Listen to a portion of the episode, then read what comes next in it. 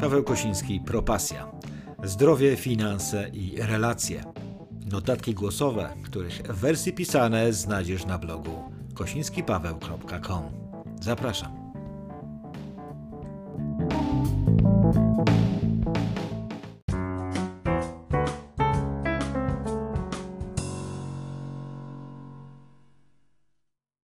To, co wszyscy każdego dnia robimy, czy tego chcemy, czy nie, to innymi dokarmiamy nasze ciała. Chociaż jakby się nad tym zastanowić, to właściwie nasz organizm dokarmia się sam, wywołując poprzez umysł odczucie głodu w naszej świadomości. W każdym razie każdy z nas ma w tym temacie doświadczenie. W mojej opinii częściej zaspokajamy potrzeby umysłu niż naszego organizmu. Nasz umysł posługuje się nawykami, nawykami żywieniowymi, a świadome zmiany w naszej diecie wbrew nawykom żywieniowym często są bolesne. Nie sądzę, aby nasz e, organizm domagał się schabowego z kapustą i kuflem piwa, raczej protein, witamin, minerałów i związków. Nie jestem specjalistą od dietetyki. Przysłowiowe schabowe jest raczej elementem kultury żywieniowej w środowisku, w jakim się wychowaliśmy. E, wyrobiliśmy sobie nawyki żywieniowe. Mówi się, że dzięki Bogu ta nawykowa część umysłu nie jest odpowiedzialna za bicie serca, bo na pewno by o nim zapomniała albo odłożyła na jutro. Często nasz organizm nie może wziąć tego, czego potrzebuje z pożywienia i powietrza do budowy komórek ciała. Dzieje się tak dlatego, że w pożywieniu, któremu dostarczamy, nie ma wystarczającej ilości tych składników. Mało tego, organizm zużywa energię na coraz trudniej do usunięcia toksyny i inne szkodliwe związki e, z pożywienia i powietrza które zalegają latami. Tracimy odporność, zaczynamy chorować. Zwłaszcza po 50 i nie chodzi mi o jednego drinka.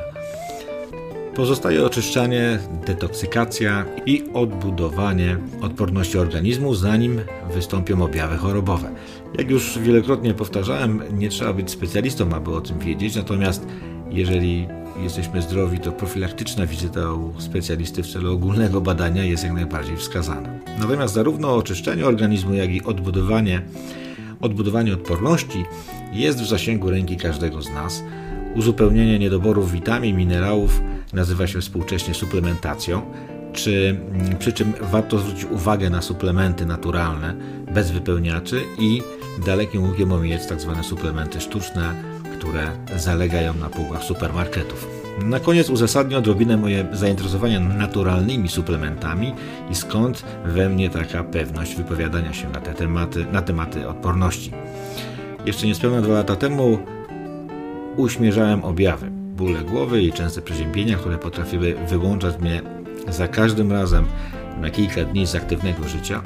Paracetamol na stałe zagościł w mojej kieszeni, miałem go pod ręką Coraz trudniej było to ukrywać, bo chwalić się nie było czym. Gdy natrafiłem na stuprocentowe naturalne kuracje ziołowe, zacząłem je stosować każdego dnia. Małymi, codziennymi dawkami, wysoce stężonymi.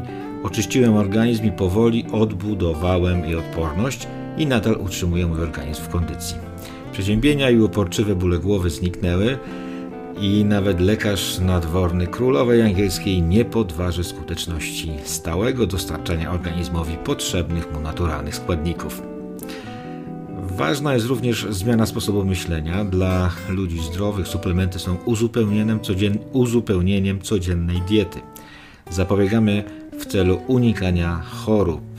Wychodzi na to, że organizm otrzymał to, czego potrzebował. Zdrowy poniedziałek. Pozdrawiam. Hej, Paweł Kosiński.